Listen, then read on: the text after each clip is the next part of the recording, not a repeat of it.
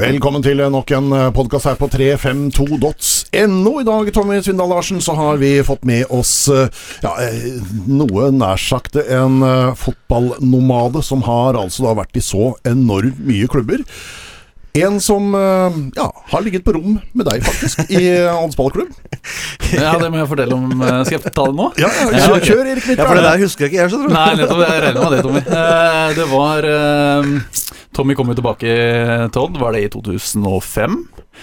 Og det var vel den første borteturen min med Odd. Det var vel den første borteturen din også. Bodø-Glimt borte. Eh, Jeg husker ikke resultat, men jeg blei da innlosjert med, med Tommy på, på rom. Eh, og det var jo stort for meg. Eh, jeg var vel 17 år den gangen, og så kommer Tommy hjemmefra som kaptein i Bundesligaen og skal sove på, på rom med meg. Det jeg husker, var at jeg spurte så sjukt mye spørsmål. Og Tommy var eh, trøtt og sliten, og, og svarte ofte bare ja eller nei. Og til syvende og sist, før han sa natta, så lå han, hadde han snudd ryggen til, og så sovna han. Og så dro jeg og tenkte ja, ja, ok, kanskje jeg spurte litt mye. det var artig, det. Det, det begynner faktisk å Jeg kjenner, jeg husker fortsatt litt ennå. Demrer det litt? Ja, det demrer litt, Ja, altså. gjør det? Ja. Det var, det var en del spørsmål, og ja. Hva husker du av 17 år gamle Erik Midtgarden? Du, altså, du spør jo bra der, for eh, jeg har jo opp gjennom tida opplevd mange. Og så blir det sånn at ja, husker du det, husker du det? Og det jeg husker jævla dårlig. Det er mange som husker mye bedre enn det jeg gjør. Eh, men jeg kan jo tenke meg at det var litt, sikkert litt spesielt, da. Det vet jo Erik mest sjøl. I forhold til det å være så ung. Jeg husker den gangen jeg var ung og møtte andre spillere og kanskje noen man så opp til, eller ja, var stjerner eller sånne ting. Så, så det er klart at det, det må sikkert vært en spesiell hendelse, ja. Men det er ikke bra at jeg bare snur meg da og legger meg, med rumpa. det, la jeg, det la jeg til for å lage historien litt bedre, men, eh, men jeg spurte mye, det husker jeg, og du svarte, svarte godt for deg, så det, det var gøy, det. Så husker jeg også fra den turen, eh, Bodø-Glimt borte der, så hadde vi dro opp på lørdagen, tror jeg det var, og så hadde Bent Inge Johnsen, tror jeg, hvis ikke jeg tar feil, hadde skaffa Fevang en fiskeskøyte. Ja. Så meg og Fevang og Bomhoff, vi tok med oss en smågodtpose og kjørte ut på havet oppe i Bodø. Sammen med Bjørn Paulsen, han gamle materialforvalteren. Og han er vel Er han ikke der oppe fra? Eh, han der er iallfall nordfra. Ja, nordfra. fra- Ja. Et eller annet sted. Så det var skulle ut og fiske da, den torsken. Eh, og vi fikk tre stenger da, til, til å fiske med.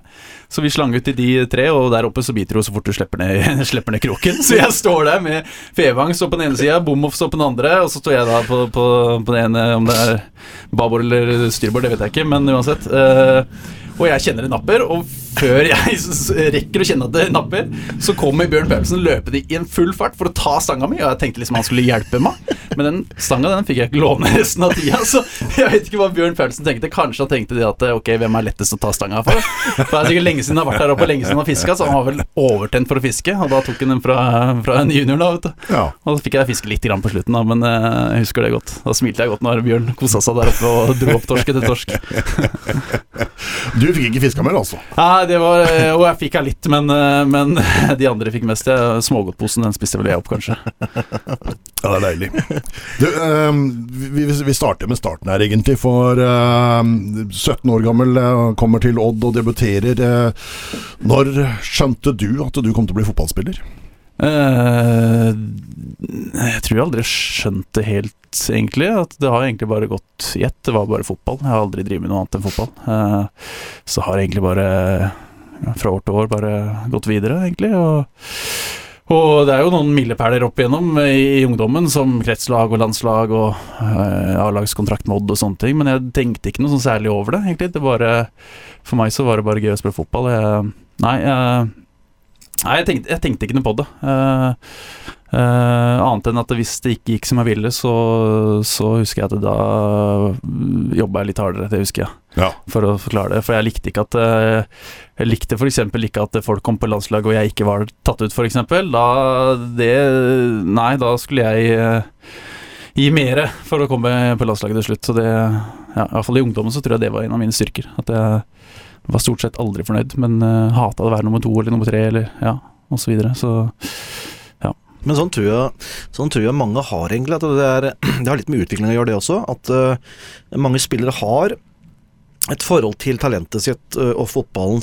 At man ikke nødvendigvis setter seg store mål. eh, Grubler fælt på å sette opp delmål osv. osv.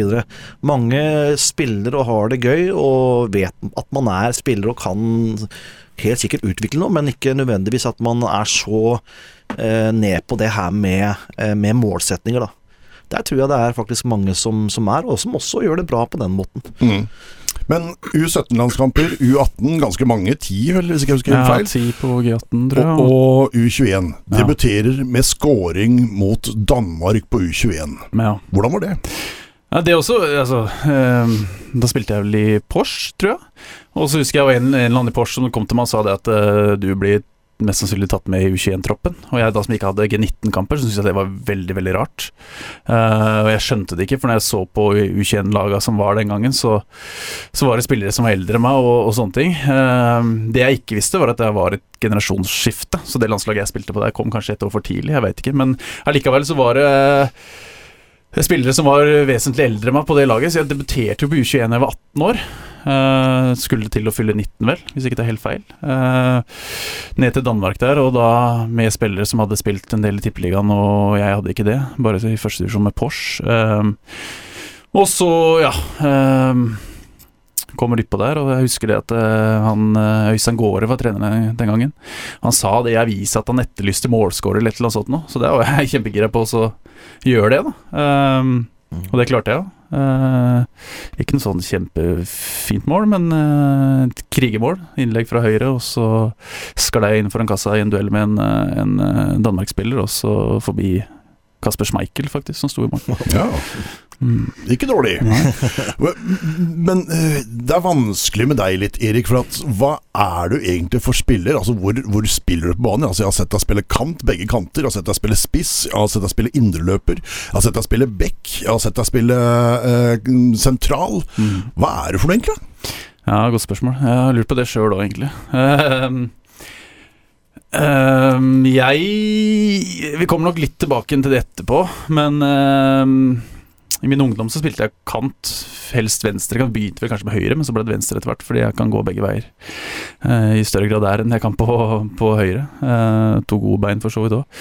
Eh, etter hvert som man blir eldre og, og, og lærer seg mer fotball, så syns jo jeg sjøl at jeg passer bedre sentralt i banen. Et sted man kan drive litt med ballen. Om det er sentralt eller indreløper eller for så vidt kant òg, men, eh, men eh, det er der jeg føler jeg får utfolda meg. Eh, Jeg har spilt back en del òg, jeg syns jeg klarer meg veldig bra som back defensivt, og for så vidt offensivt. Men jeg er ikke den bekken som kommer rundt på overla- overlapp, for det, det har jeg aldri skjønt. Og det syns jeg begrenser backspillet mitt ganske mye. Men ja, spiss også er jo ålreit i noen faser, men jeg er ikke noe tanksenter, så da må kampbildet passe meg. Eh, så, men ja, eh, uavhengig av kampbilder så føler jeg midtbane, offensiv midtbane kanskje, eller Hva er du henta som til åssida? Åsia? ja. Eh, nei, der er jo trener også, da, så eh, Han er henta inn som potet. Ja, det er, det er ikke Nå er det er, det er det stempelet du har fått hele livet. Altså Ja, det- ja, potet av Midtgarden. Ja, det, og det tror jeg har egentlig mm, vært litt dumt for min egen karriere også. Mm. Ehm, eh, vi kommer sikkert tilbake igjen til det òg, men eh, jeg i Åsia så blir det potet. Og det er fordi at uh, vårt mål er å holde, holde klubben i tredjedivisjon. Uh, så hvor jeg spiller en da, det, det kommer an på hvor vi har størst sjanse til å få tre poeng. Mm. Ja. Mm. Ja. greit. Og så har det vært altså da eh, masse, masse, masse klubber. Eh, hvis vi starter, altså, du, gikk jo veldig tidlig fra Odd, Uh, selv om Odd egentlig ønska å beholde deg, i hvert fall ifølge hva jeg har klart å lese meg opp til. Og så havner du isteden på utlån til Porsche, og så går du til Notodden, som da er nyopprykka i Adikon. Mm. Uh, det valget der, eh, hvor, hvor, kommer det fra? Nei, eh, vi snakka litt om det i stad. Eh, for å fullføre det, så var det sånn jeg kom opp på, på til Odd som 17-18-åring og sånne ting, så, så var jeg der fordi at jeg skulle spille A-lagsfotball. Det var ikke sånn at jeg skulle tenke at det her skal jeg Nei, da var det full fyr. Øh, for meg så, så det var bare en naturlig holdning at jeg skal Det her er en, bare et helt vanlig lag. Her skal jeg inn og, og kjempe meg om plassen. Eh, Så det, den Hva skal jeg si, ja? Den, den hungeren etter å spille, den hungeren etter å så, også ja, for så vidt utvikle meg, men eh, å gjøre bra, den eh, har jeg hatt egentlig eh, uansett om jeg er en jypling på A-laget, eller om jeg er en rutinert gutt på, på 30 år et annet sted. Jeg føler liksom at Uh, eh, den har jeg hatt hele veien. Uh, så husker jeg det at Odd skulle spille treningskamp bort mot Vålinga i Valhall. Og det var tatt med 15 spillere i troppen, tror jeg det var. Det var eh, Arne og Gaute som var, var trenere. Altså Jeg skjønte ikke hvorfor jeg ikke var tatt med. Uh, og ung gutta igjen, jeg og Tommy snakka om det litt, uh, litt tidligere, da, at uh, jeg sier fra. Uh, og så sa jeg fra til Arne og Gaute at hvorfor er ikke jeg tatt med? Og da sa de eh, til meg at nei, sjansen for å spille er så liten. Ja, men jeg driter i det, sier jeg. Jeg vil bare sitte på bussen med gutta. Jeg vil være en del av det laget jeg har signert kon kontrakt for. Eh, jeg vil være med. Jeg ikke Kjenner ikke gutta. Jeg vet ikke hvordan det er å reise på A-lagskamp. Jeg vet ikke forberedelsen. Jeg vil lære meg det greiene der, sa jeg til Arne, Arne Gaute. Som greit, jeg trenger ikke å spille, men bare la meg være med. Og da kom de, ringte de meg litt seinere, og da Jeg tror det var litt sånn eh, nøkkelen til at det ble Porsche. Fordi da skjønte de at eh, ok, her er det en som, som eh, faktisk vil noe. Så, så da var det vel i Porsche at det var noen skader eller et eller annet sånt på, på venstrekanten. um, som gjorde at jeg um, uh, trente litt med de, og så ble det ganske fort med utlånsavtale med Porsche. Uh, spilte mye som unggutt i Porsche i førstedivisjon. Uh, Rykka ned, dessverre, på mindre scora mål, tror jeg det var. Mm. Det er jo helt utrolig. Godset leder 2-0 mot Løvheim hjemme. Det har spilt 80 minutter. Og så blir det 2-2, og da rykker vi ned. Eh, så kunne vi sikkert gjort eh, jobben sjøl hjemme mot Ålesund, tapte 5-1 der, men eh, ja. Sette sesongen der hadde jeg debutert på U21. Jeg hadde spilt mer eller mindre fast i første divisjon. Var ganske mange klubber egentlig som var interessert, og deriblant Notodden. Odd ville ha meg, men jeg følte ikke de ville ha meg like mye som det Notodden. Og jeg tenkte at det da er det bedre å kanskje få en jevn sesong i Notodden. eh, eh, I første divisjon, for så kanskje ta steget videre igjen. Um, og Jan Halvor, som var trener da, ville veldig gjerne ha meg. Uh, ga han uttrykk for. Og du spilte mye i Notodden også? Ja, jeg gjorde ikke det. Ikke, jeg satt veldig mye på benken. Ja, du du registrert mange kamper. Ja, det gjør jeg. Ja. Jeg satt mye på benken. Det var jeg litt skuffa over, faktisk. Fordi at Det Så er det vanskelig å si lovnader i fotball om spilletid og sånn, da. Men, eh, men uh, at et ungt talent, og uavhengig av det meg eller ikke, men at man ikke kanskje forvalter det litt bedre, det det syns jeg Ja. Uh, det var en nedtur, egentlig. Mm. Uh, Henta inn, men da var det jo 25 spillere i Notodden på heltidskontrakter, og henta inn Balla Garba fra, fra Haugesund, eller hva det var for noe. Så det var jo mange store navn der også, men eh, skulle gjerne fått litt flere sjanser. Ja. Mm. Eh, det valget med å gå til Notodden da, er, det noe sånn som du har tenkt på etterkant at kanskje ikke var helt for deg da, eller var det Ja, det Det er sånn at du angrer på de dårlige tinga, da, og så angrer du ikke på de gode. Ehm, og så angrer du på de tinga du ikke gjorde fremfor de tinga du gjorde. Så, så nei, jeg, jeg angrer ikke. Kanskje jeg skulle blitt i Odd, fordi at på den tida når jeg var i Odd, så var det ikke noe talentsatsing. Uh, ingenting. Mens ett eller to år rett senere, da kom toppidrett, da kom unggutta, da skjønte Odd at ok, her må vi satse. For vi hadde Norges beste juniorlag i flere sesonger, Mm. uh, men ingen fikk sjansen. Uh, ja, nivåforskjellen var kanskje for stor osv., men uh, jeg syns allikevel det er litt rart at man ingen av de spillerne ordentlig slo til. Ikke Eh, opparbeida den kulturen, da man snakker om toppidrettsgymnaset, så er jo det noe helt annet nå, ikke sant. Men sånn, det er jo også utviklinga i seg sjøl. Så det var en periode der da som de ikke da fikk nok sjanser. Som man ser i dag at man Nå får jo mange juniorer sjansen, både i Odd og i Norge generelt. mm. Ja, da er det ikke sikkert at vi hadde fortjent sjansen, men den hadde kanskje kommet om ett eller to år, da. Da begynte de, de som var eh, ett og to år yngre mann, da begynte de å få sjansen. Så nei, det er eh, Angrer? Nei, jeg gjør for så vidt ikke det. Eh, jeg ser på det nå, som en erfaring, egentlig. Og det er store deler av karrieren min ser jeg på som erfaringer, egentlig. Mm. Mm. Det som jeg syns er litt interessant, da, det er eh, fotballspillere eh, går gjennom et, eh, et, eh, et langt fotballiv. Eh, hvis vi snakker om de som har eh, Ja, som utøver det over så lang periode, da.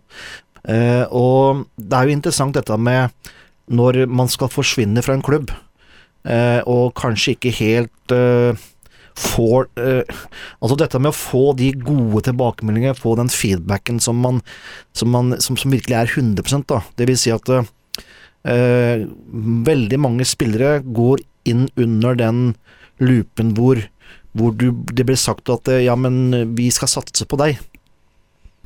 Og så eh, kan man si det til 25 spillere. Eh, men alle kan ikke spille. Nei.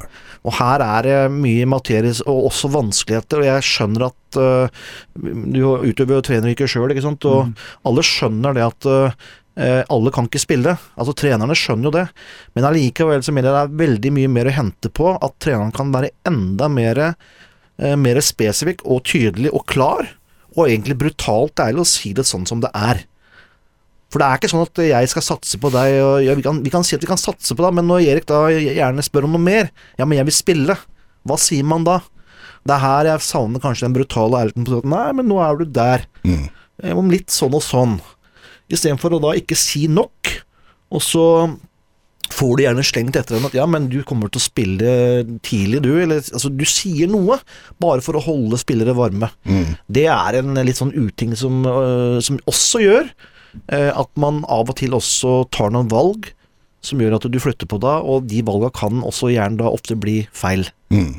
Ja. Så det der med, der, er, der ligger det mye tilfeldighet. Jeg kaller- det tilfeldighet, men her ligger det mye materie som gjør at øh, spillere også får en litt ulik øh, vei, og, og ofte litt, litt klone- klonete, da. Og uh, i forlengelse av det Tommy sier der, litt, litt annen vinkling, uh, eller tilføye litt på det, er at når, når man var junior før, på den tida på en måte jeg var junior, og, og sikkert seinere også for, for den saks skyld, og sikkert enda, kanskje enda verre eh, tidligere, men det var ikke noe oppfølging. Vi fikk aldri noe oppfølging. Aldri. Altså vi, jeg drev, For å ta meg som en referanse på det her, så drev jeg og Tommy, du gjorde sikkert det samme, men jeg spilte da altså på landslag. Eh, jeg spilte på Odd 3, Odd 2. Trente med A-laget. Kanskje var med A-laget på noen kamper også. Eh, Og ble toppskårer for Odd 2. ja, og, og gikk på skole, altså vanlig videregående skole, med, eller idrettslinje, da, men med da gym to til kanskje fire timer i uka, eh, og så rett på A-lagstrening til Odd. Jeg kunne gå fra gymtime med volleyball i to timer, eller innebandy, til fotballtrening med Odds A-lag rett etterpå. Det var ingen som la til rette for at vi skulle Altså, det sier seg sjøl, du, du, du blir ikke god i fotball når du har sånn, sånn hverdag. Så er jeg kanskje unntaket for regelen, men kanskje jeg hadde vært bedre, hvem vet. Men jeg Oppfølging, det var noe som jeg stussa veldig på i tidlig alder. At man eh, Og det er egentlig oppfølging generelt. Altså det eh, Helt til den dags dato, egentlig. Oppfølging. Hvor, hvor blir det av det? Eh, Jeg jobber som, som, som lærer nå, og, og jeg ser hvordan kontaktlærere, eller, eller lærere generelt, jobber med ungdommen. Eh, Det er en helt annen, helt annen pedagogisk tilnærming enn det fotballtrenere har. Og så skjønner jeg kanskje fotballtrenere er mer eh, komplekst og mer eh, ting å, å styre på, men oppfølging og Man snakker om å ta, ta vare på hele mennesket og utvikle hele mennesket, men faen, da må vi begynne å prate med folk, da. Men det Nei. Vært helt fraværende. Men, men, men i, to, i 2011 så, så, er jo du altså da i Notodden. Eh, altså du, du går fra Notodden, og så, og så Nei, 2009? 2009 og 2010 spilte du Notodden. Nei, unnskyld. 2007 og 2008 var jeg i Notodden. Og så var jeg leid ut til Porsch siste del av 2008. Ja. Og så er det altså, da kommer vi til 2011, eh, hvor det er eh, 2011 og 2012. Eh, det er altså én, to, tre, fire, fem klubber i løpet av to sesonger der. Ja, det var fire, hvis du tenker på Vitesse òg, eller? Nei, jeg tenker Eller? på Her står det altså På din egen Wikipedia-side Så okay. står det eh, Mjøndalen, Odd, Flora Tallinn, Lillestrøm og Mjøndalen Lån. Ja, stemmer. Uh, ja, for jeg var jo i Mjøndalen i 2009 og 2010. Jeg gikk fra, fra Notodden og takka nei til en, en uh, 100% stilling som, som spiller der, og gikk da til Mjøndalen og tjente ja, i en fjerdedel omtrent, og jobba ved siden av. Eh, det var veldig nyttig, for, så vidt. Flytta hjemmefra første gang òg. ja, og så tilbake til, til Odd. Eh, 2011. Eh, jeg vil si det at eh, innimellom der så har du faktisk noen prøvespill også, eh, i Brighton blant annet. I Brighton, Eh, så Jeg rakk det, da. Jeg rakk det, jeg rakk det. For the Seagulls! Ja, og de var jo League One og satsa, og, og det også, hvis jeg skal angre på noe, så er det kanskje det er de to tinga. Altså det å forlate Odd i 2011, og det å ikke takke ja til Brighton i 2010. Det er kanskje de to eh, Ja, du fikk jo kontraktsforslag, eller? Nja Ja, mm, ja, jeg hadde vel fått det, hadde jeg sagt ja. Men eh, Men eh, Det var litt sånn at agenten hadde spilt meg inn som midtspiss i 4-3-3 i League One. Altså, det er, det er det er ikke- juling, altså. Ja, det er ikke meg. Nei. Og jeg ville spille kant eller indreløper. Eh, så jeg følte hvis jeg kommer inn her på feil grunnlag, så blir det kanskje litt tøft. Så da valgte jeg å takke nei. Samtidig så når jeg stod, satt i Brighton-garderoben, så ringte jo Dag Eilev meg hele tida. 'Samerud, kom her!' ikke sant? Og Dag Eilev var jo den eh, Han er jo god til å prate for seg, og, og, og, og du du tror på hva han sier, så da ble det til at jeg dro hjem til og signerte for Odd. da Uh, Og det, det å signere for Odd, det Det, det syns jeg var, var stort, og det syns jeg var uh, Syns jeg var eh, eh, Hva skal jeg kalle det? Uh, nyttig også, at jeg tror eh, jeg kom fra Mjøndalen og hadde trent altfor mye styrke. Eh, var grisesvær, egentlig. Sterk som en bjørn. Uh, kom jeg inn, husker jeg. Og, og Fagermo sa til meg når jeg hadde tatt av meg på overkroppen, at du får aldri lov til å trene styrke igjen. Og de som Fagermo sa, han uh, Midtgarden! Jeg gjorde deg til- til en antilope. Fra en bjørn til en antilope, sånn. Eh, for jeg var i kjempegod form. Eh, Kenneth Martinsen og Fagermo De var dyktige til å få meg i form. Jeg tror aldri faktisk jeg har vært i bedre form enn den, den preseason der i Odd eh, 2011. Eh, og hadde den der, hva skal jeg si, pågangsmotet. Og jeg husker treningskampene. Jeg syns jeg var skikkelig god. Eh, men så er det litt det som vi snakka om i stad. eh, det her med å spille. Og det også uh, Litt det her med se litt lenger fram også. eh, for det handler jo ikke bare om å være god nok. Det handler også om karriere, karriereplanlegging, ta de rette valga, uh, osv. Uh, og jeg spilte i preseason, spilte jeg inneløper, venstre inneløper, og så kommer sesongen, og da kommer dette potetgreiene igjen, ikke sant? At du eh, flytter høyre kant og venstre kant og høyre bekk og inneløpere og alt mulig. Um, og det var jeg litt lei av. Uh, og ja, tenkte sånn at hvis jeg skal komme meg opp og fram i fotballen, så nytter det ikke å være en grå mus som spiller i alle posisjoner. Da må du finne én posisjon, og så må du være god der. Eh, det var det jeg tenkte. Ehm, og så i etterkant skal man si det at eh, det er ofte sånn at når du kommer inn ny, i en ny klubb, så har man kanskje ikke den høyeste ansienniteten, så man må kanskje jobbe den over tid. For jeg vet at Fagermo han sa til meg at vi kan godt signere en treårskontrakt i morgen, vi, hvis vi det. Såpass god er du, og såpass tror jeg har jeg på deg. Uh, men jeg var liksom redd for å ikke spille, jeg var redd for å bli flytta for mye rundt på, sånn at jeg ikke fikk, hva skal jeg si, selvreal- selvrealisert meg sjøl, da, på en måte, i fotballen. Eh, så da blei det til at eh, når jeg var Bossmann-spiller da, eh, så sa jeg til agenten min at kan du prøve å finne på noe. Eh, og jeg angra litt på at jeg sa nei til Brighton.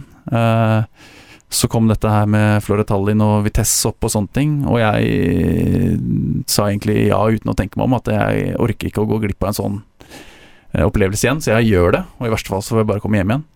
Eh, Men det skjedde mye rart der med, Ja. med Vittes Arnem mm, og Ja. Flora Tallinn. Og det har vært så masse historier rundt det, og at du blei kjøpt til Vittes og lånt ut med en gang til Flora. Mm, Men, mm. men hva, hva var egentlig sannheten oppi dette galskapet? Eh, jeg kan ikke si det 100% sikkert sjøl, men jeg, sånn de papirene jeg har signert på, så har jeg aldri signert for uh, Vitesse. Uh, jeg har bare signert for Flore Tallinn med da en lovnad om at kontrakten med Vitesse skulle komme i neste uke.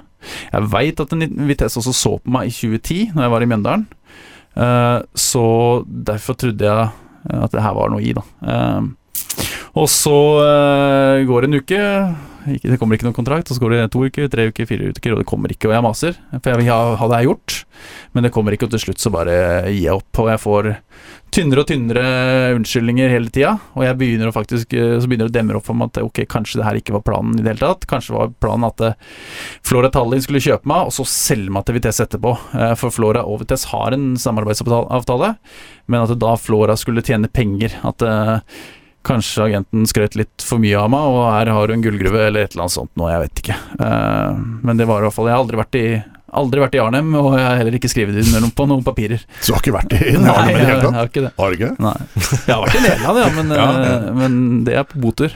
Ja. Mm. Men det var ikke noe sign-on-fee der, altså, som du tok med deg ned? Nei, det var ikke noe sånn.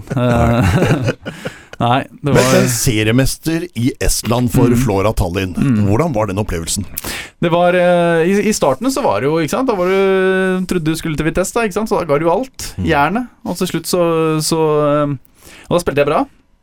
Uh, til slutt så spilte jeg ikke så mye. Eh, fordi at jeg var mektig lei av alt det tullet, egentlig. Eh, Og det gikk jo veldig utover prestasjonen min på banen. Jeg gikk, tenkte mye på det.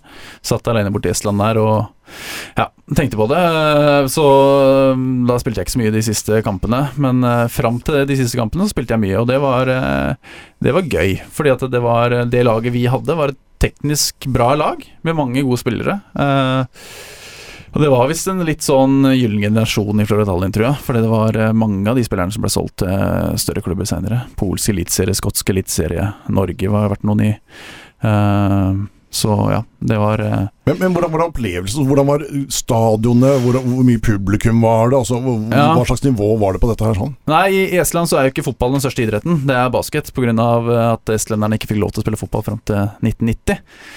eh, Av eh, russerne. Eh, så der er, er basket som egentlig er den store publikumssporten. Eh, på kampene med Flora Tallinn, som var det laget med flest tilskuere, så kunne det være fra 500-600 på de dårligste dagene til eh, 2,5-3 kanskje, når det kommer til lokaloppgjør. Eh, kanskje litt mindre. Eh, og da var det trøkk. Men eh, så er det jo litt sånn, det er store forskjeller der borte. da Tallinn er en veldig stor by i forhold til de andre byene. Og veldig mange, jeg tror nesten alle laga i ligaen trente i Tallinn, for så å kjøre tilbake til hjembyen for å spille kamper. Så det, det var veldig store forskjeller. Eh, stadionmessig og sånne ting så var det ikke all verden så skryte av. Det var noen nye. Ikke så veldig store, men noen nye fine. Og så var var det noen som uh, du ikke ser uh, i fjerdedivisjon engang, her, her hjemme, da. Så det var litt sånn forskjellig. Uh, og vi spilte på landslagsarenaen, så den var jo kjempefin. Um, så det var, det var fors forskjellig nivå på, på klubbene. Du har noen store klubber, eller noen som er veldig gode, og så har du noen som er litt mindre gode, og veldig små klubber. Hvordan var lønnsnivået der, da? Eh, ja, eh, jeg tjente ikke all verden. Jeg gjorde ikke det. Jeg, uh, men jeg tjente uh, noe det samme som jeg hadde i Odd, omtrent. Som var en helt ålreit norsk lønning. Så jeg kom bort dit, og jeg hadde noen spørsmål angående lønn, og jeg var litt sånn at jeg, jeg trodde at dette her var jo Sånn jeg vant med, iallfall, så får du lønn som fortjent, da, ikke sant? Så jeg da spurte kapteinen om at om eh, et eller annet på lønningsslippen eller et eller annet sånt. Og han fikk jo så store øyne, han så lønningsposen min. Og så, så bare, hva er det for noe, spurte jeg liksom. Tjener du det? Og så sier jeg ja, ok. Og da plutselig så begynte Da begynte det litt sånn eh, da, Neste uke, uka der, da var det litt sånn eh, Det var noen spillere som gikk inn på trenerens kontor og sa Nei, jeg vil ikke spille med han, jeg klarer ikke å spille med han, og litt sånn, sånne ting. Mm. Eh, og så var det litt sånn når vi var ute på byen, så var det Erik, kan ikke du ta det? Kan ikke du ta og betale? Vi hadde avslutningsmiddag, husker jeg også. Det var eh, regning vi hadde vunnet i serien. Så ble jo, da, blir jo, da blir det jo dyrt, da. Da var det liksom sånn eh, Erik, kan ikke du ta eh, fe- 50 Og jeg tjente ikke mye, men det sier kanskje mye om lønningsnivået i, i Estland generelt. da Mm. At det er, ikke, det er ikke all verden. Men, men hva, hva gjør du som ganske ung guds på fritida i Tallinn? Altså, Blir det mye footballmanager, eller hva, hva, hva gjør man for noe? Nei, jeg bodde sammen med en annen norsk en, Geir Ende Herrem. Han spilte i Bodø-Glimt og er nå vel i, i Sverige, Kalmar, hvis jeg ikke tar helt feil.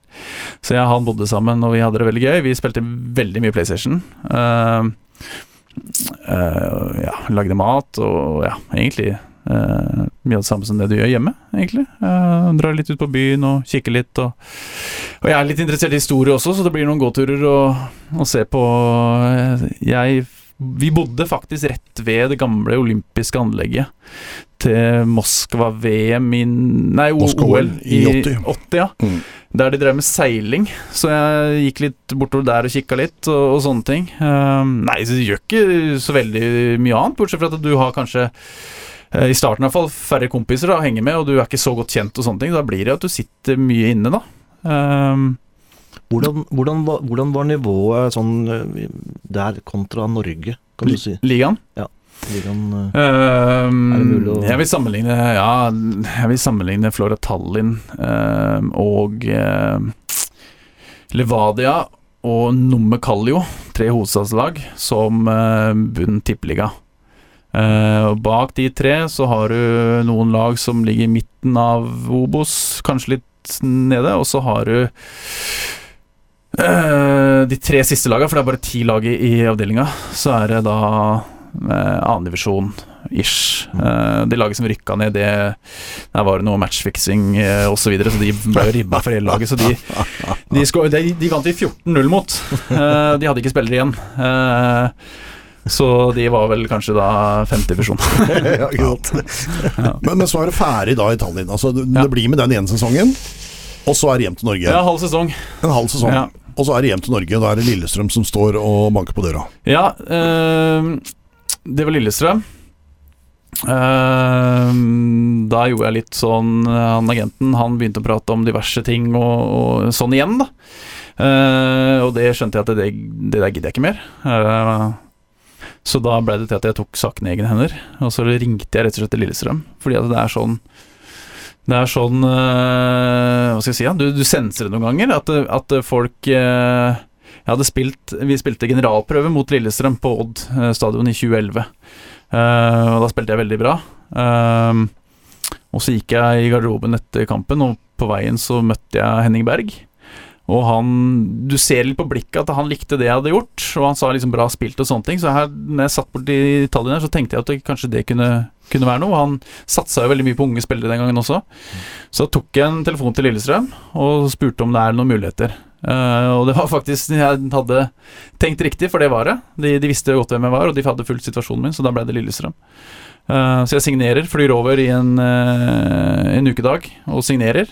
Eh, og så er jeg tilbake i Tallinn, og så spiller de siste kampene, og så drar jeg hjem igjen. Eh, og så var det sånn at eh, Skal vi begynne på Lillestrøm-historien også? så var det i Lillestrøm så var det um, Henning Berg som signerte meg. En uke etterpå så får han sparken, og Magnus Haglund tar over. Uh, og første Magnus Haglund gjør, er å hente inn en, eh, en ny høyreback. Henning Berg sa at jeg skulle spille høyreback. Um, og jeg tenkte bare jeg må bare komme meg vekk fra han agenten og det greiene her, så jeg bare Ja, det er greit. uh, så henter de Jesper Westberg for 3,5 million. Uh, og ikke bare han, men det kommer jo inn tolv andre også, med Johan Andersson, Palmi Palmason, Sead Ramovic, uh, Torstein Helstad, Bjørn Helge Riise. Altså det er store navn, da. Så det er fra Henning Berg, som ikke hadde penger, da, til Magnus Haglund, som fikk lommene fulle av penger. Og da er det jo Da blir veien lang. Eh, og oppå alt det her også, så eh, følte jeg sjøl at jeg, jeg gjorde en ålreit preseason, men vi trente noe ekstremt mye og ekstremt hardt. Og litt sånn Sånn eh, Hva skal jeg si? Hva skal jeg kalle det? Feil type trening for meg. Eh, med mye gamping, og jeg har aldri fått Jeg veit hva som skjer med kroppen min da. Da blir det betennelser, og da blir det, blir det skader. Eh, men jeg kunne jo ikke gjøre noe annet enn å følge med på det. det og litt sånn survival of the fittest. Og så til en dag som det bare Jeg kom meg ikke opp av senga, og ryggen har gått helt i lås. Og det sleit jeg med i tre måneder. Uh, Riktignok så kom jeg meg opp av senga på tre måneder, men uh, iallfall en uke der som jeg sleit med ryggen. Og den blei aldri bra igjen, og jeg merker det fortsatt den dag i dag. Eh, og det har vært noe skiveutglidning eller noe sånn eh, Et eller annet sånt noe. Eh, så da blir det inne og trene styrke da i tre måneder. Eh, og da var jeg egentlig da, da var jeg egentlig ferdig. Altså Lillestrøm hadde for mange spillere, det kom nye spillere på sommeren igjen. Jeg hadde ikke fått vist meg fram. Eh, ja, Hvilken periode var det her igjen? Eh, 2012 var det. 2012 var det. Ja. Så da var jeg egentlig ferdig eh, i Lillestrøm, eh, og det var greit for begge parter, egentlig. Eh, når det er sagt, da, når vi skal sette opp drømmelag etterpå, så har jeg noen, har jeg noen bra spillere derfra. Som, eh, og det var en veldig fin Lillesund var en veldig fin gjeng, mange unggutter. Eh, kjempehyggelige gutter. Vi hadde det veldig gøy sosialt sammen. Så det er, det er litt synd at det ikke ble noe mer Lillestrøm, for jeg trivdes veldig godt med gutta i, i garderoben. Men sånn er det, er det noen gang. Du er venner for et år eller to, og så hopper man videre. Mm. Ja, man hopper videre, og da blir Mjøndalen part to. Ja, det blir Mjøndalen igjen. Eh, ja, på høstsesongen der. Uh, kom rett inn og gjør det egentlig bra med en gang, uten noe særlig treningsgrunnlag. Uh, Skårte ti mål på 13 kamper. Uh, det er meget bra. Ja, det var veldig bra. Og vi havna vel i kvaliken også, til Tippeligaen. Uh, så ja, det var et veldig bra halvår. Bare på utlån? Ja, bare på utlån, ja. Ja. For jeg hadde toårskontrakt der. Ja. Mm. Eh, men, men du og Mjøndalen har vist seg å være en sånn ja, litt sånn slags match? Litt sånn hat-kjærlighetsforhold eh, begge veier? Ja, det har eh, Det har Hva skal jeg si? Ja, Det har ikke alltid bare vært lett. Nei, det har ikke vært lett. Altså, vi, vi, Mjøndalen er jo Hva skal jeg kalle det? dødballer så langt og, og sånne ting. Da. Og det er jo en måte å spille på, det òg. Jeg skulle gjerne ønske at man var litt mer spillende. Og jeg har prøvd å, å, å, å sagt ifra både om det, men også om, om at man kanskje ikke bare burde trene på, på fire mot fire hele tida, osv. Mm. uh, samtidig så, så er det noe med Mjøndalen som mange andre norske klubber har lite av, eller ikke har i det hele tatt, og det er kultur og identitet. Altså, for det er en klubb som eller en bygd som står bak klubben 100% og alle i bygda er involvert i klubben på en eller annen måte. Og det er en veldig positivitet blant de folka også, så de klager aldri. De taper vi, så hører aldri noe. Vinner vi, så er de kjempeglade.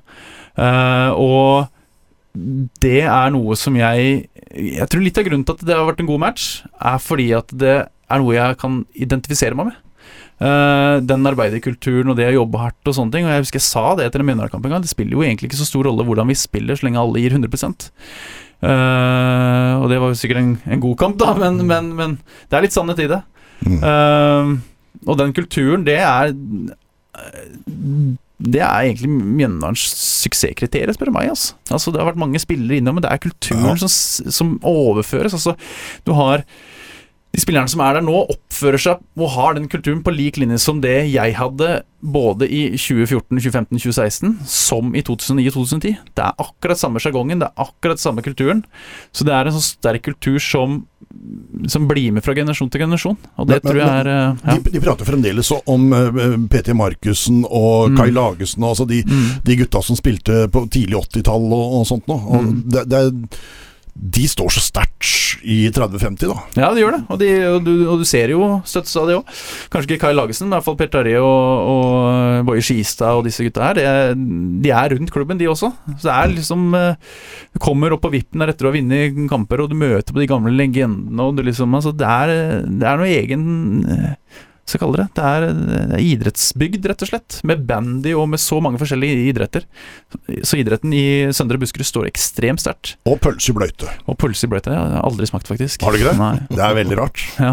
Veldig rart. Pølse i bløyte. Pølse i bløyte. Reis på Mjøndalen-kamp og opplev det, Tommy. ja, de sier det er godt, men Ja, det er spesielt. Det er Ja, grisete å spise, men det, Ja. er, det er ganske godt. Eh, så kommer det til en veldig fin periode for din del, som du har i hvert fall sjøl sagt at Mm. du trives veldig godt, også i Hønefoss. ja.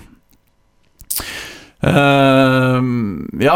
Uh, dro fra Mjøndalen etter eh, ti mål på 13 kamper. Og igjen det her med aldri litt være fornøyd. Jeg tror det har vært litt sånn hemsko, men også det som har drevet meg litt videre. Eh, eh, kanskje det har vært hemsko med tanke på karriereplanlegging og, å være lenge et sted, men samtidig så er det noe som har gitt meg uh, pågangsmot. Uh, så jeg var utkikk. Jeg var litt sånn Jeg følte jeg hadde noe i tippeligaen å, å gjøre, og hadde veldig lyst til også Også Også um, hva skal jeg kalle det? da? Eh, så Få et gjennombrudd der, da. Eh, Jeg følte kanskje jeg aldri fikk det, men i Hønefoss så snakka jeg med Leif Gunnar og Louis Pimenta og Paco. Eh, Leif Gunnar Asmerud, ja, selvfølgelig. Smerud, Mm. Pål Arne Johansen og Louis Pimenta, som var trenere den tida der. Og det er noe med det at det, det her så jeg på da var jeg 25, og da så jeg liksom Ok, det her er kanskje siste sjansen min til å slå igjennom, eller liksom få kamper i Tippeligaen, eller så spille kanskje litt fast i Hønefoss, da. Uh, før jeg må begynne å studere eller gjøre noe annet. Eh, så da tok jeg den sjansen, og så begynte jeg også å pensle meg litt inn på treneryrket. At ok, kanskje istedenfor å være i Mjøndalen med, med, med dødballer, så, så så øh, de planene Leif Gunnar presenterte for meg, ikke nødvendigvis om meg sjøl, men, men om Hønefoss og hvordan man skulle spille, var såpass interessant at ok, her er det mye læring, så da hoppa jeg dit. Eh, Og det angrer jeg ikke på, ikke i det hele tatt. Jeg spilte vel ikke Jeg spilte to kamper fra start, tror jeg, og 22 innhopp eller et eller annet sånt noe. Men eh, det er en tid som jeg setter virkelig pris på, egentlig. Eh, lærte veldig mye fotball, og biter begynte å falle litt på plass. Så ja, det var uh, en fin gjeng der oppe også. Mm. Mm. Tre sesonger ble det det, Hønefoss? Nei, det ble én. Det ble kun én. Ja, ble kun én. Mm. Ja. Uh, og så er det tilbake igjen til Mjøndalen igjen. Da er det tilbake til Mjøndalen. Eh, da var det tilbake til Mjøndalen. Jeg bodde jo i Drammen, spilte for Hønefoss også, og Mjøndalen var nære. Og jeg måtte gjorde det som jeg tenkte før jeg gikk til Hønefoss, og begynne, begynne på skole. Og den skolen var i Notodden, eh, så da passa det ganske bra. Og det året 2014 snakker vi om nå, da satsa Mjøndalen hardt. Ja, til Mjøndalen i hvert fall, på, på å rykke opp til Eliteserien. Eh, og det gjorde vi jo, så det var jo bra. Det var jo bra. ja, det var bra. Ja. Eh, og så avslutter du egentlig karriera i Notodden. Ja. Eh, hvor du egentlig kanskje, i hvert fall mot slutten, spilte mindre enn hva kanskje Mm. folk hadde sett for seg. Ja, jeg, jeg Ja, var det noe greier mellom deg og Dokken? Nei. Eller er det, var... Nei, det var det ikke. Jeg var, eh, jeg var um, toneangivende i 2017 og 2018. Og skårte 25 mål på, på halvannen sesong. Eh, I 2018, på seinsommer, tidlig høst, så var jeg i dårlig form. Eh, begynte å gå nedover. Og jeg gikk ut på banen der sjøl og tenkte dere, nå må du sette helvete og bytte meg ut snart, for nå er jeg dårlig. Eh, og syntes synd på André Bakke, som satt på benken kamp etter kamp. Men Dokken hadde jo den filosofien at han eh, bytta aldri på laget. Uh, før Dokken kommer en dag til meg og så sier han at Erik, uh, nå må jeg ta deg ut. Og så sier jeg at det, det er jeg helt enig i, sier jeg. For jeg vært dårlig. Og, og da mm, satt jeg på benken de siste sju-åtte kampene, seks-sju-åtte kampene, den høsten i 2018. Så kom preseason i eh, 2019. Eh, og vi kommer inn på det her med oppfølgingsdag også. Eh, eh, ikke for for Notodden var fine der, men jeg, jeg fikk en skade. eh, for min første strekk, faktisk, på, i leggen, som gjorde meg, satte meg ute ganske lenge. Tydelig at du har passert 30, da. Ja, ikke sant. Jeg husker ikke hvor lenge jeg var ute, men jeg var halvannen til to måneder ute. Uh, oppå det her så gikk kjerringa gravid um, med svangerskapssykdom, um, som varte for så vidt hele sommeren gjennom. Uh, jeg hadde to studier. Uh, studerte både i Notodden og i Bø. Jeg hadde en unge hjemme. Og jeg hadde et lag jeg trente på kveldstid, så det blei jo veldig mye til slutt. Stoppen. Ja, stoppen. Og det tok, det tok veldig lang tid, syns jeg sjøl. Og jeg er nesten litt overraska over det, hvor lang tid det tok å komme i form igjen. For jeg syns jeg var dårlig etter at jeg, ble skadefri igjen. Og hele vårsesongen så syns jeg var dårlig. Jeg følte meg ukoordinert osv. Så, videre. så kom sommeren, og så begynte det å løsne. Så eh, derfra inn så er jeg litt, eh, litt skuffa over at jeg ikke spilte mer, for jeg følte jeg var i god form. Jeg masse, var den mest rutinerte på laget, jeg kunne spille i alle posisjoner. Men det var liksom ikke snakk om at eh, noen av de som spilte, skulle byttes ut. Følte jeg, da. Eh, så det virka litt mot meg, når det tidligere virka litt for meg. Så, så, eh, og det er jo greit nok, det. Eh, treneren må få lov til å, å tro på det han tror på. Eh, og det er jeg ikke så, så bitter på. Det som jeg er litt bitter på med Notodden, er at vi rykka ned. Det syns jeg var ordentlig kjipt. Mm. Eh, og måten det skjedde på mot Åsane og Nei, det var ikke noe gøy. Det er liksom eh, Og det er ikke det er ikke så mye på, på, på min egen vegne at jeg er bitter på det, men det er, vi hadde en fin gjeng der oppe, og så rykker vi ned, og så bare smuldrer alt opp. Så det er veldig synd at vi ikke klarte det. Eh, for jeg tror at den gjengen som var der oppe, og, og, eh, og klubben hadde et potensial til også å få mange gode første år i førstedivisjon igjen, da, men når vi rykker ned, så ja, smuldre alt opp og må bygge opp på nytt. Og jeg Mm. tror kanskje ikke Notodden blir det samme igjen. En, en sånn litt sånn fellesnevner eh, som vi har prata om, du og jeg, eh, litt Mm. sånn privat. Mm. Det skal du får lov til å svare hvis du vil, eh, så for å la være.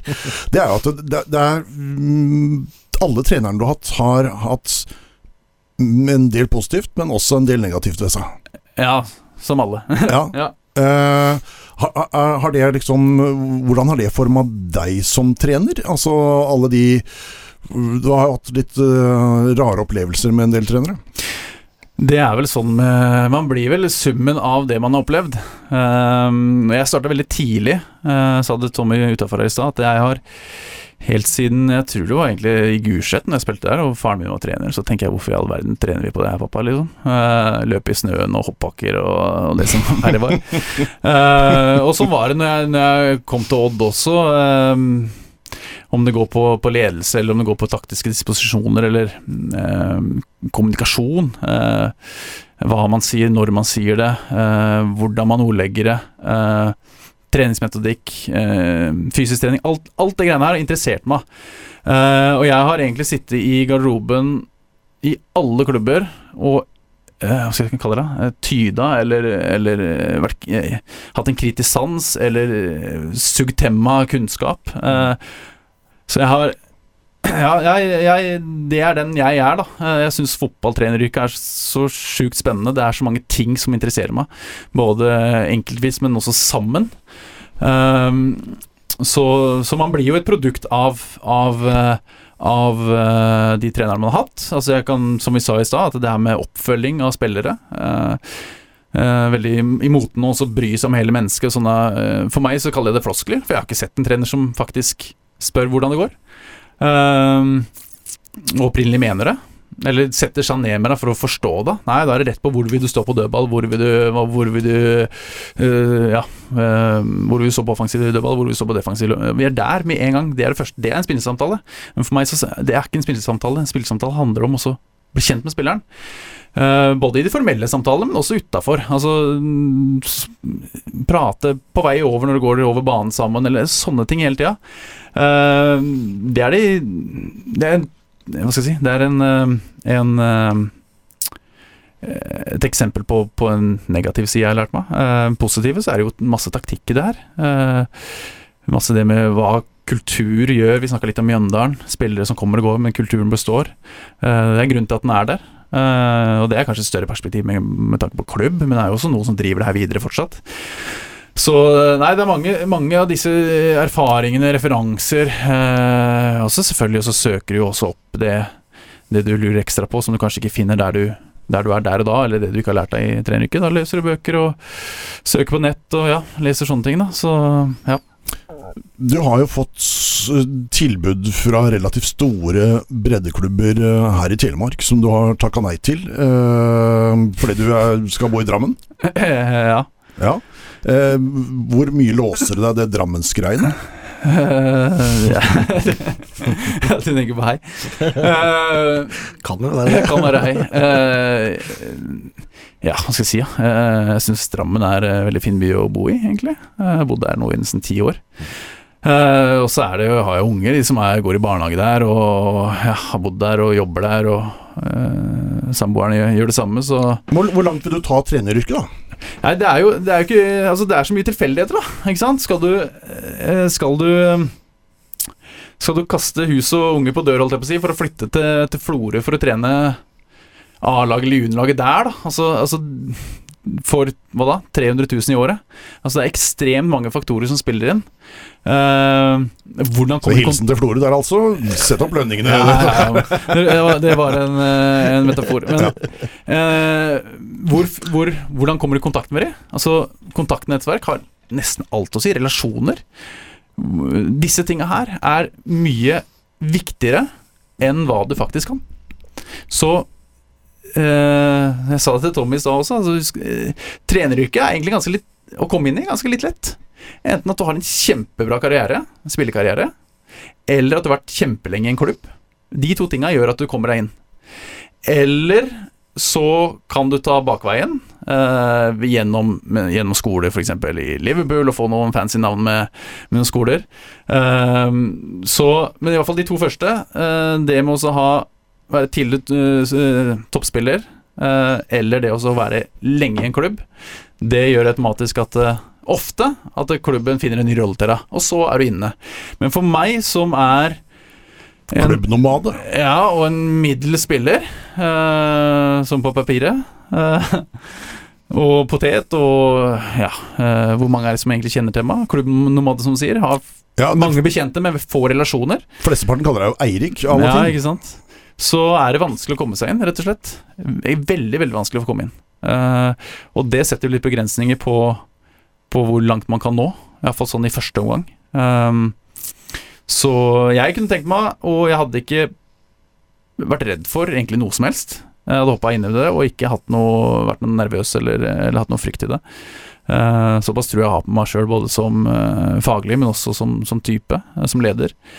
Eh, men så handler det om å få sjansen. Det handler om også å knytte kontaktnettverk, relasjoner, alle disse tinga her, da. som- Har du prøvd å ringe til Ebbsfleet? Nei, det har jeg ikke gjort. Det er footballmanager-laget ditt, Ja, så du ja, ja. velger hver gang Ebbsfleet. Nei, det er, det er vanskelig, og så er det familie oppi det her, og det er, det er mange sånne ting, så det er, eh, det er vanskelig. Eh, Men jeg har veldig, veldig lyst. Ekstremt lyst. Det blir morsomt å følge. Vi gleder oss til å se hvor det kommer. jeg tror aldri jeg kommer til å miste den interessen for treneryrket, men, men det, er, det er veldig altoppslukende for meg. Men Vi skal avslutte med din drømmeelver. De beste elleve spillerne du har spilt med i din karriere. Jeg er spent. Hvor begynner vi igjen? Vi begynner i mål. Vi begynner i mål. Ja, Ja. vi gjør det. Eh, litt sånn, hva skal man velge? Altså de beste spillerne, eller de spillerne du kanskje har best kjemi med, eller de spillerne som er best i garderoben. Det ble litt sånn miks av all- alt sammen. Eh, noen kjente, noen ukjente. Siden jeg er i Grenland, så tar jeg med noen grenlandsgutter også. Uh, Rotevatn, Anders Rotevatn i mål. Mjøndalen-keeper i 2009 og 2010. Du kjenner han, Tommy? Ja, ja? Ja, Anders Rotevatn. Uh, aldri sett han gjøre en god redning. Men det er kanskje litt sånn derfor han er med òg. For at alle redninger så så enkle ut. Vi spilte i Mjøndalen og lå over rett over nedrykksstreken i to sesonger. Og fikk sikkert eh, drøssevis med skudd mot oss. Men det var sjelden han trengte oss å slenge seg opp i krysset, eller sånne ting, for han hadde plassert seg godt i, i forkant. Og det var nesten litt sånn som forsvarsspiller eller angrepsspiller, så var det sånn at når motstanderen skøyt, så kunne du bare snu opp og så gjøre deg klar til kontringa. For han, han holdt alt, uten at det så noe overdådig ut, men han plasserte seg bra. Så han er kanskje den beste keeperen jeg har spilt med. Altså, noen er kanskje litt overraska at de ikke sier Jarstein, Mm. men eh, den tida når jeg spilte med Jarstein, så var Rotevatn bedre. Så eh, jeg holder Rotevatn, selv om selvfølgelig Jarstein er jo blitt mye bedre keeper nå. Men, eh, men han var, når jeg spilte med han, så syns jeg han var eh, ekstremt god. Ofte et tegn også på de beste keeperne at de slipper å ta de der store redningene, for de er så gode i forkant Ja. av den jobben de gjør. Det er kult valg, da. Ja, øh, Høyrebekk. øh, det er øh, Mats Hansen. Artisten, bloggeren uh, osv.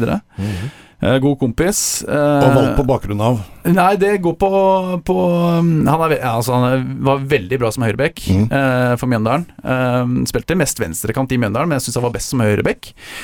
Eh, og Det går litt på at han er en god kompis, selvfølgelig. Jeg har spilt mye viktige kamper med eh, men også på det at jeg syns han var en, en spiller som jeg matcha veldig bra med. Altså Veldig lett å, å, å få en relasjon mellom meg og han. Altså Hvis jeg brukte to touch, så visste han hva jeg skulle gjøre. Hvis jeg brukte ett, så visste han Ikke sant. Så, så de tinga der, det, det var Mats Hansen veldig god på å lese. Hvor godt liker du sangen hans? Eh, ternekast eh, ja, fire, kanskje. Fire? Ja, jeg men det er jo- bra. Er over snittet, det. Ja, jeg Ja. syns ikke den er så Da er gæren. fortsatt kompiser, da. Da er Da er det fortsatt da er du kompiser. fortsatt kompis. ja, ja, ja, ja. Jeg har ikke hørt mye på den, men det er fordi du blir lei av nå. Men, men det er fengende, for all del. Jeg skjønner at, den, eh, at folk får den på huet. Mm. Eh, Fevang. Stopper. Som, som stopper. Eh, grunnen til det er eh, Jeg liker både typen, og jeg liker også spillestilen hans.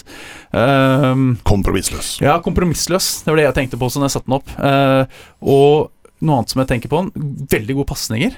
Uh, ikke de der, eh, hva skal jeg si, de pingerne som flyter 70 meter, men han treffer stort sett hver gang. Kortpasninger og, og langpasninger, de kommer på foten din. Og så har han veldig sånn enkel og funksjonell teknikk. Han har ikke noe sånn der, eh, vet dere, sånn kremvisper. Han tar ned ballen, og så gjør han det enkelt. Og har sjelden Ja, jeg tror ikke jeg har sett han hatt et dårlig første touch.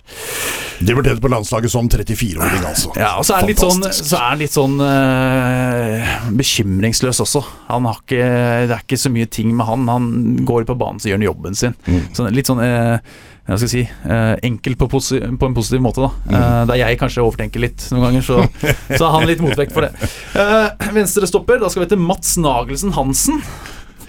Det er en jeg har spilt på juniorlaget med i eh, Odd Ja. og i Gulset. Eh, et fysisk monster, og det er helt utrolig at vi sitter her nå og har med han på drømmelag, for han burde, etter min mening, eh, vært neste store stopperen, på lik linje med Fevang i Odd. Eh, ingen som var raskere enn den, ingen som var sterkere enn den, ingen som var mer utholden. Eh, bra med ball. Eh, litt sånn, eh, Vi kalte den for elgen. Litt sånn Bratseth over den. Trente med, med A-lag til Odd uh, da han var eh, 16 år. Han var to meter høy allerede da. Eh, husker du den? Nei, Nei, okay. jeg gjør ikke det. Men er, er litt sånn høyreist og mørk? Uh, Jeg husker ikke helt. Nei, du, du, jeg Nei, tror ikke du har ikke- vært borti Nei, han, ikke. Tommy, men han uh, eh, Veldig, veldig synd at han ikke eh, fortsatte fotballkarrieren sin, vil jeg si. Eh, jeg tror han sleit en del med skader, og om det var utslagsgivende for at han ikke fortsatte, det vet jeg ikke, men han eh, han var eh, Han kunne blitt veldig, veldig god. Sammen samme på venstrebekken så har vi Jarle Nilsen. Eh, vi har altså to Mats Hansen i forsvaret. Jeg kunne satt opp uh, Mats Borgholt Hansen også, sønn av Krampa. Da har vi tre, det hadde vært kult. Men vi, Jarl Nilsen uh, spilte fotball med han fra jeg var ett år til jeg var eh, 20. Eh, naboen min. Så vi har spilt fotball sammen hele barndommen. Og litt samme som med Mats Hansen, så var det en sånn en eh, Hva heter det? Telepatiske evner der, eller et eller annet sånt. Og vi visste hva vi skulle gjøre på, når vi spilte på sida til hverandre. Og Jarle var også god, spilte en del i førstedivisjon med Porsche i 2006, Mm. eh, men så valgte han studier. Eh, litt synd. Jeg tror egentlig ikke Jarle skjønte sjøl hvor god han kunne bli. Eh, og derfor så tror jeg han også trappa litt ned og, og sånne ting. Men eh, vi andre som har spilt mot den, eh, så f.eks. at han var kanskje en av de lett, mest lettbeinte spillerne jeg noen gang sett. Han satte ikke mye spor i snøen. og så har du juvelen, da. Jeg vil si det Det her er jo Det her er uh, Hvilken posisjon er vi på skapet sen- Ja, Sentral midtbane. Sentral midt. Eh, og det er ikke deg, Tommy. Du er ikke med på laget, dessverre. Siden du sitter her, så, så, så Du skulle ikke snudd ryggen til eh, på Ja. hotellrommet der før natta. Men da Nei, men det Det blir ikke noe av det intervjuet her nå. Så bare stryker vi. Nei da. ja, du kunne jo vært der du òg, Tommy, men, men Kjør på. Jeg sammensetningen er her jeg er spent her. Zoom Zoomen Joy. Zoomen. Alfred Choi. Og det er noen ting Det er noen ting Uh, Det er noe med zoomen. Altså, husker var det Nordnes eller Holtan sa det at han hadde et skjold rundt seg. Så du kom ikke inn i det skjoldet. For du kom, fikk en albue eller du fikk en, en, et kne eller et eller annet sånt. Så han mister jo aldri ballen. Jeg husker f.eks. på uh, Vålerenga borte, 2005. Så kommer uh, Ardian Gashi baken, da rett utafor 16-meteren til Odd. Og Zoomen får da oppspill fra Nordnes, og eh, han kjører kipperen over seg sjøl og Gashi og løper rundt på andre sida.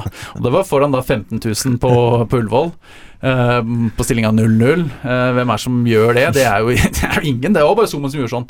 Uh, gjorde ting som ingen andre kunne. Og det skjoldet, og jeg husker også Kristoffer Hæstad, som var en, en stor stjerne i start, kom til Odd på, på, eller på Falkum da, på generalprøven i, i 2005 eller 2006. Og han var liksom den nye store myggen og terrieren osv., og, og Zoomen bare kledde han. Eh, så han var eh, ekstremt god. Han var god. Han var han var veldig, ordentlig veldig god. Eh, høyre, vi spiller uh, um, diamant på midtbanen. Der har vi Per Silan Skjelbre som høyre indreløper.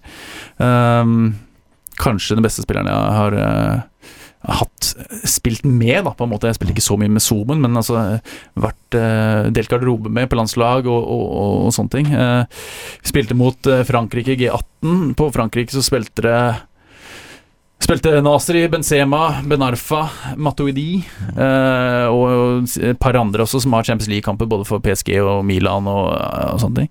Og jeg mener og, og, og den fortapte generasjonen da, på landslaget som jeg er en del av, som ingen, ingen egentlig klarte det helt, bortsett fra Per. Han var kanskje den som som uh, matcha disse spillerne, og kanskje faktisk var bedre enn Benzema og Nasri. Uh, som hadde noe, kunne klart å spille på det Frankrike, Frankrike, Frankrikes landslag.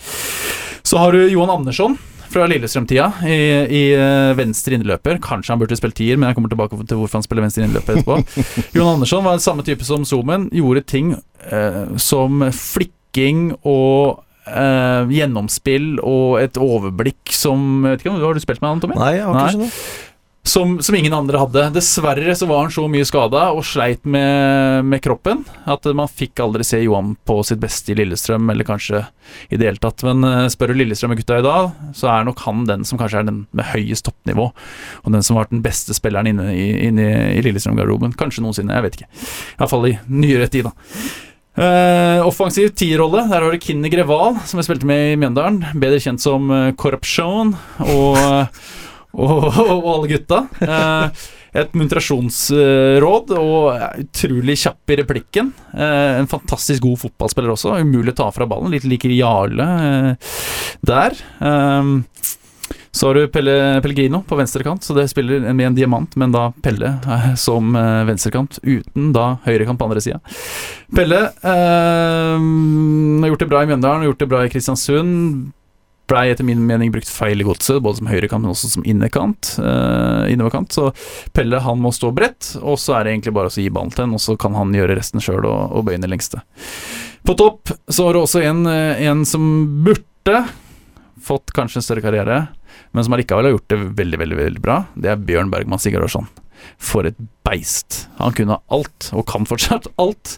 Sterk, rask, teknisk, skyter godt med begge bein. Eh, helt sikker på at han hadde spilt like bra som midtstopper som, som spiss som han egentlig er. Eh, fra Lillestrøm, ble solgt til Wolverhampton. Eh, har han vært borte i Russland, Molde osv. Så, videre. så han var eh, litt skadeplaga, han også, så Men eh, ja, en av de bedre spillerne jeg har spilt med. Spennende. Ja. Hvem er trener på laget? Ja, det var det, da. Eh, det tenkte jeg også på. Uh, tenkte over trenerne. Og, Tar hun sjæl? Nei, uh, nei, jeg må spille et eller annet sted her, så jeg kan godt sitte på benken. Ja, Og det er liksom, jeg, jeg sitter og tenker på når du går gjennom her, alle de spillerne du har glemt. ikke sant? Skal jeg sette inn på en Glenn Benardzik bare fordi at han er god på fest? Jeg veit ikke. Men jeg må sitte på, uh, sitte på benken her, og så kan jeg se på de spillerne, for mange av de er Eller ja, i hvert fall veldig mange av de er veldig mye bedre enn det jeg var, så, så eh, jeg kan starte på benken, og så kan jeg komme inn der de trenger meg, ikke sant? Poteten. Eh, jeg tror det at eh, dette laget her er så godt, og det er så mange som, som har sterke meninger, sånn, så de trenger en som er litt sånn, hva skal jeg kalle det, litt rund i kantene og bra på det sosiale. Og det er en, en trener jeg egentlig kunne tenkt meg å spille litt for igjen. Jeg var veldig redd for den i starten, som junior i Odd. Men etter hvert som du begynner å bli bedre kjent med den, og du skjønner at den skrikinga er bare, det er bare luft, og ikke nødvendigvis noe mening i det, så går denne trenerjobben til Brede Halvorsen. Brede Halvorsen. Brede Halvorsen, fantastisk. det ante meg. Og han er eh, også meget eh, bra på fest. Ja, ja. Det skriver jeg under på. Det der blir sterkt, altså. Ja, det blir sterkt. Fantastisk.